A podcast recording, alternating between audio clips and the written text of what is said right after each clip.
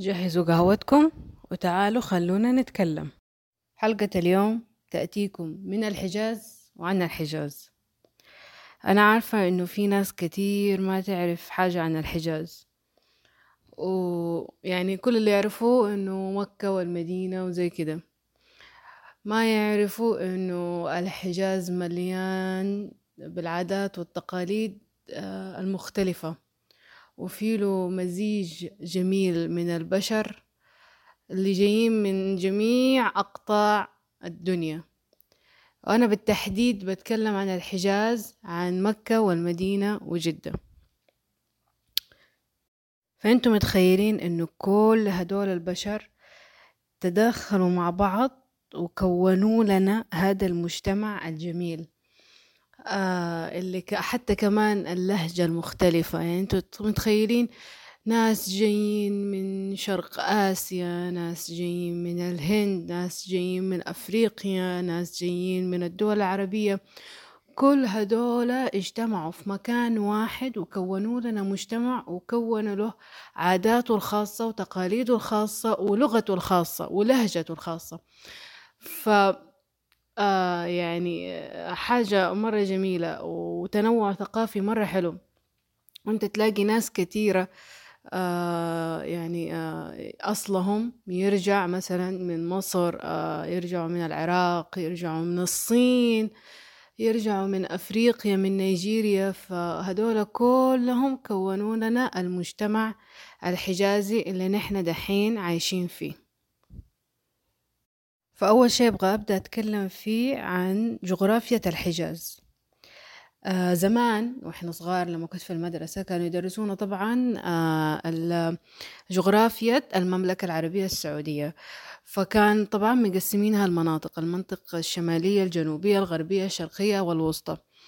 فكانوا لما يجوا عند المنطقة الغربية يعني إحنا في غرب المملكة. آه كانوا يقولوا آه إنه الحجاز هي سلسلة جبال تمتد من آه الشمال الغربي إلى الجنوب الغربي. يعني أنتم متخيلين هذا كلها سلسلة جبال وتمتد من فوق لتحت؟ ف... وعندنا طبعا مناطق مختلفة في مناطق جبلية في مناطق يعني في مناطق مرتفعة في مناطق منخفضة. آه زي مثلا آه نحن هنا في مكة آه وادي.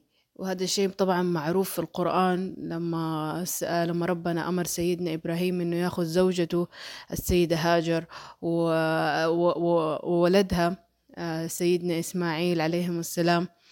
آه ويروحوا لمكة. وبعدين يقول لهم آه جالسين يقولوا هذا وادي غير ذي زرع. هذا طبعا مذكور في القرآن. وادي غير ذي زرع. يعني إيش الوادي إيش هو؟ هذه المنطقة اللي بين الجبال. تكون منخفضة وتنزل عليها الأمطار زي السيول وزي كده. آه فهذا آه تكوين مكة اللي هو وادي وما في زرع. بعدين حنيجي مثلا عند جدة. جدة حتيجي آه جدة محاذية للبحر الأحمر. فهي تجيك زي المنطقة كده المنبسطة فيقولوا عليها السهل. آه سهل ومحاذي للبحر. وبعدين تجيك منطقة المدينة المدينة منطقة صحراوية. آه فسبحان الله جوهم زي زي الجو الصحراوي. حار في الصيف وبارد في الشتاء. مو زي مثلا جونا إحنا في مكة حار في الصيف حار نار وفي الشتاء حار خفيف. حتى في جدة رطوبة فظيعة. فسبحان الله شايفين كيف التنوع. ناس مرتفعين ناس منخفضين. عندكم الطايف مثلا الطايف منطقة مرتفعة لأنها على جبل. فيجي جوها طول السنة جوها حلو وفي الشتاء مرة برد. فعشان إيش؟ عشان الجبال واختلاف الارتفاع والانخفاض كون لنا. هذا ال ال الاختلاف في الجو والاختلاف في ال في, في جغرافية المناطق. أول شيء بتكلم عن مكة. آه أنا آه أصلي من مكة ونشأت في مكة ولكني لم أولد في مكة. هذه قصة تانية. أول حاجة أنا أبغى أتكلم عن مكة. مكة آه، أول آه، نقول أول آه، أول دعوة للإسلام بدأت من مكة. الوحي لما نزل على الرسول صلى الله عليه وسلم نزل عليه في مكة. مكة اللي فيها بيت الله وفيها الكعبة اللي بناها سيدنا إبراهيم مع ولده إسماعيل عليهم السلام. آه يعني آه، سبحان الله مكة مهما سويتوا فيها تجلس كده لها آه، شكلها الخاص وروحانيتها الخاصة وشعبها الخاص. فتلاقي كده الأماكن يعني أنا مهما مشيت في مكة ومهما عملته كده أحسها برضو لسه كده شيء كده قديم شيء كده جميل. أنا أحب الأشياء القديمة الجميلة اللي تجلس زي ما هي كده. آه، شكلها الخاص مكة غير مكة غير من جد. آه، كده الجبال والأماكن وأنت تشوفها كده أشياء قديمة شيء شيء جميل. مكة جميلة. آه وكان أبوي الله يرحمه يقول هو حيعيش في مكة وحيموت في مكة وما حيخرج من مكة أبدا. وفعلا ربنا استجاب له. الله يرحمه. آم آم فمن جد اللي يجي مكة حيحس بالاختلاف. آه كده فيها كده فيها شيء كده يخليك كده مطمئن دايما. يعني هي والمدينة يعني سبحان الله فيهم شيء كده يخليك دايما كده طمأنينة وانشراح. وهذا سبحان الله هذا شيء من عند الله. وأنتم متخيلين أنا كنت دائما وأنا صغيرة أقول يعني دحين الرسول مشي من هنا في هذا المكان والرسول مشي من هنا في هذا المكان فيعني هذا شيء عظيم هذا شيء مرة حلو. يعني إحنا لو فكرنا فيه انه قديش هذا الشيء أثري وقديش هذا الشيء مقدس المفروض يكون ويكون كده يعني مكة شيء تاني. ونيجي نتكلم عن المدينة المدينة طيبة. اللي, اللي استقبلوا الرسول وأول عاصمة أول عاصمة للإسلام آه، كانت في المدينة المنورة. آه، بيت الرسول هناك وهناك توفى الرسول ودفن هناك وعندنا المسجد النبوي الشريف وجنبه مدفون جنبه أصحابه سيدنا عمر وسيدنا أبو بكر الصديق رضي الله عنهم. فيعني المدينة فيها فيها هذه الأشياء المقدسة وهذه الأشياء الأثرية.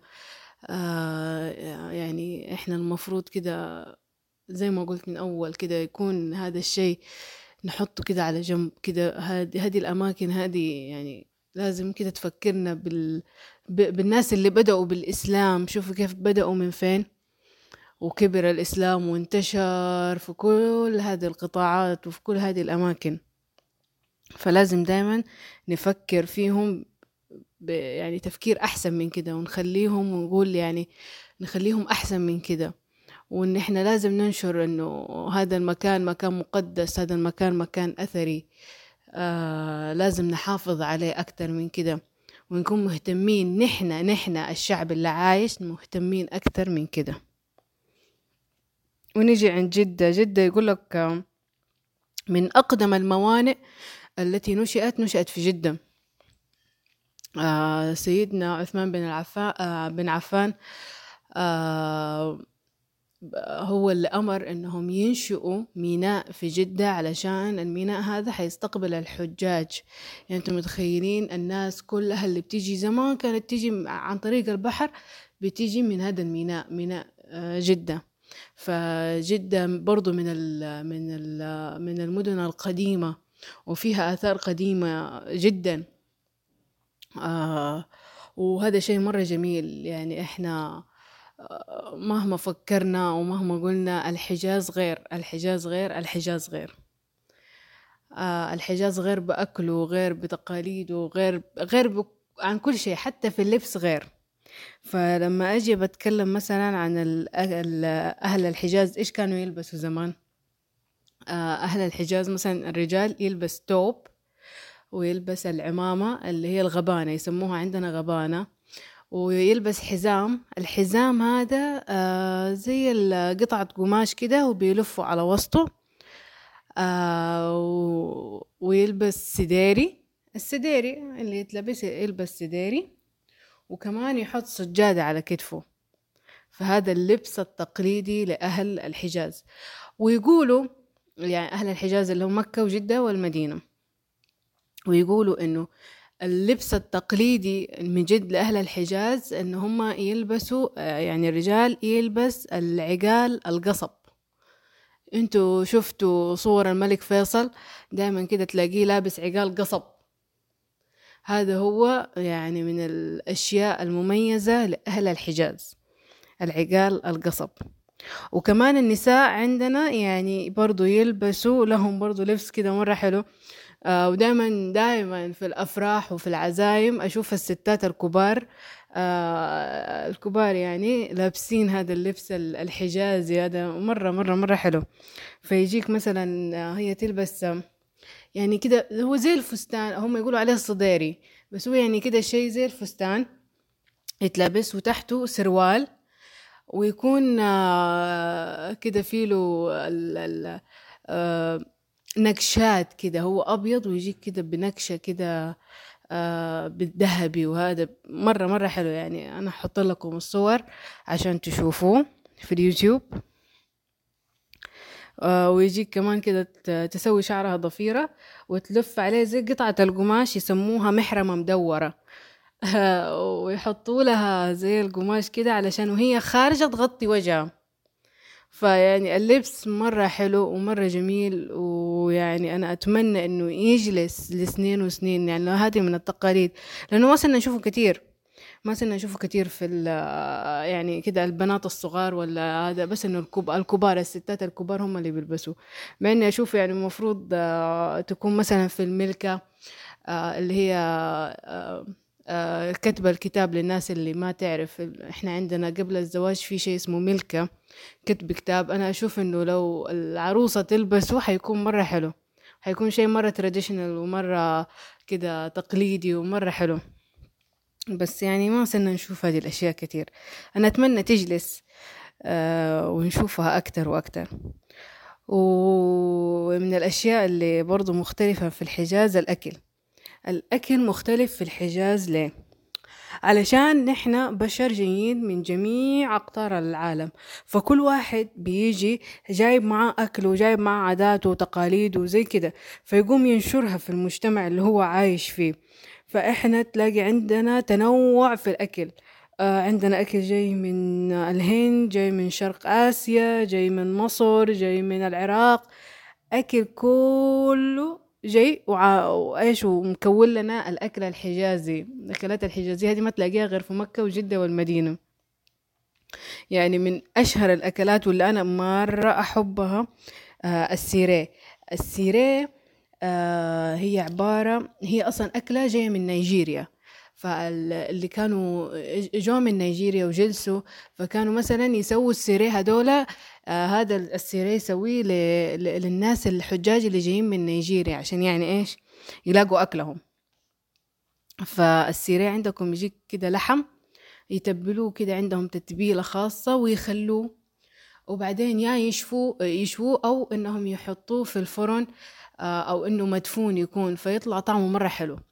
آه، في منه لحم في منه دجاج في منه سمك في منه روبيان. الطعم رهيب. وأنا مرة أحب اللحم. آه، مرة لذيذ صراحة. وكده تاكله بالزبادي مع العيش والزبادي بيطلع مرة مرة مرة لذيذ. في عندنا شيء اسمه المنتو. المنتو هو زي الدملينجز اللي أنتوا تاكلوها في المحلات الصينية ومدري إيه. هو منتو هو المنتو. بس أنتوا تحبوا الكفار. آه المنتو برضو كده هي عجينة آه محشية باللحم وتنحط كده على البخار لما تستوي. آه طبعا هذه من الأشياء اللي تلاقيها في كل مكان. المنتو طبعا في فرموزة برضو. الفرموزة برضو عجينة بس عجينة puff pastry. آه وبرضو محشية لحم بعض الأحيان تنحشي جبنة تنحشي يعني whatever وتنحط في الفرن وتجيك كده هشة ولذيذة برضو آه دايما يحطوها مع أعتقد مع الرز. أيوة دايما ماما تسويها مع الرز. فمن الأكلات المرة حلوة. وفي من الأشياء الحلوة برضو في الأعياد عندنا في فطور العيد آه، إيش يحطوا؟ هذا شيء مرة مهم فطور العيد عيد الفطر. يعملوا لكم شيء اسمه دبيازة ومنزلة. هذا لازم تكون لازم لازم هذه الطبقين تكون في في سفرة العيد فطور العيد. الدبيازة هي قمر الدين يغلوه يحطوه معاه موية ويغلوه ويحطوا له لوز وكده يتغمس بالعيش. والمنزلة آه قطع لحم آه يسووها بالطحينة. آه فتطلع مرة مرة لذيذة. فهذه لازم لازم تكون على فطور العيد. وطبعا في العيد عيد عيد الأضحى لما نذبح طوالي بعدها الفطور يكون كبدة من الأضحية. طبعا ناكل كبدة كده مقلقلة أو كبدة كده عصاج يعني طعم رهيب. وبرضه في عيد الأضحى لازم نعمل معمول بالتمر. وعلى السنة الجديدة بما إنه إحنا دوبنا دخلنا سنة جديدة لازم ناكل ملوخية ونشرب قهوة حلوة. القهوة الحلوة آه، هي حليب ومغلي كده يغلوه ويحطوا له مكسرات وهذا وطعمه فظيع. فنان فنان فنان. يعني هذه من أهم الأشياء اللي عندنا في في في الأعياد وزي كده. آه، من الأشياء اللي برضو حلوة عندنا إحنا عندنا أمثال الشعبية كده المثل يجيك كده في الجبهة. يعني المثل ها نعطيك الكلام عشان تفهم. من الأمثال الشعبية في مثل مرة أحبه هذا أبغى سويت التو في جبهتي. قوت ما هو حلو. يقول لك أوادم في الصورة وبهايم مستورة. هذا مثل قوي قوي تفجير تفجير هذا تفجير بيفجروا. وفي مثل اللي كان بابا الله يرحمه دائما يقولوا اللي يروح بلا عزيمة يجلس بلا فراش. آه. يعني أنت تروح وأنت ما أنت معزوم حتجلس كده ما حد لا يخدم عليك ولا أحد يعرفك وأنت أصلا ليه جاي؟ لأن أنت أصلا ما أنت معزوم. آه. وفي معلومات حلوة جمعتها. يقول لك زمان في الهوية شفتوا البطاقة؟ البطاقة كانوا هم يسموها التبعية. التبعية هذه كانوا يكتبوا مثلا الجنسية حقت هذا يكتبوا حجازي جنب الجنسية يكتبوا حجازي.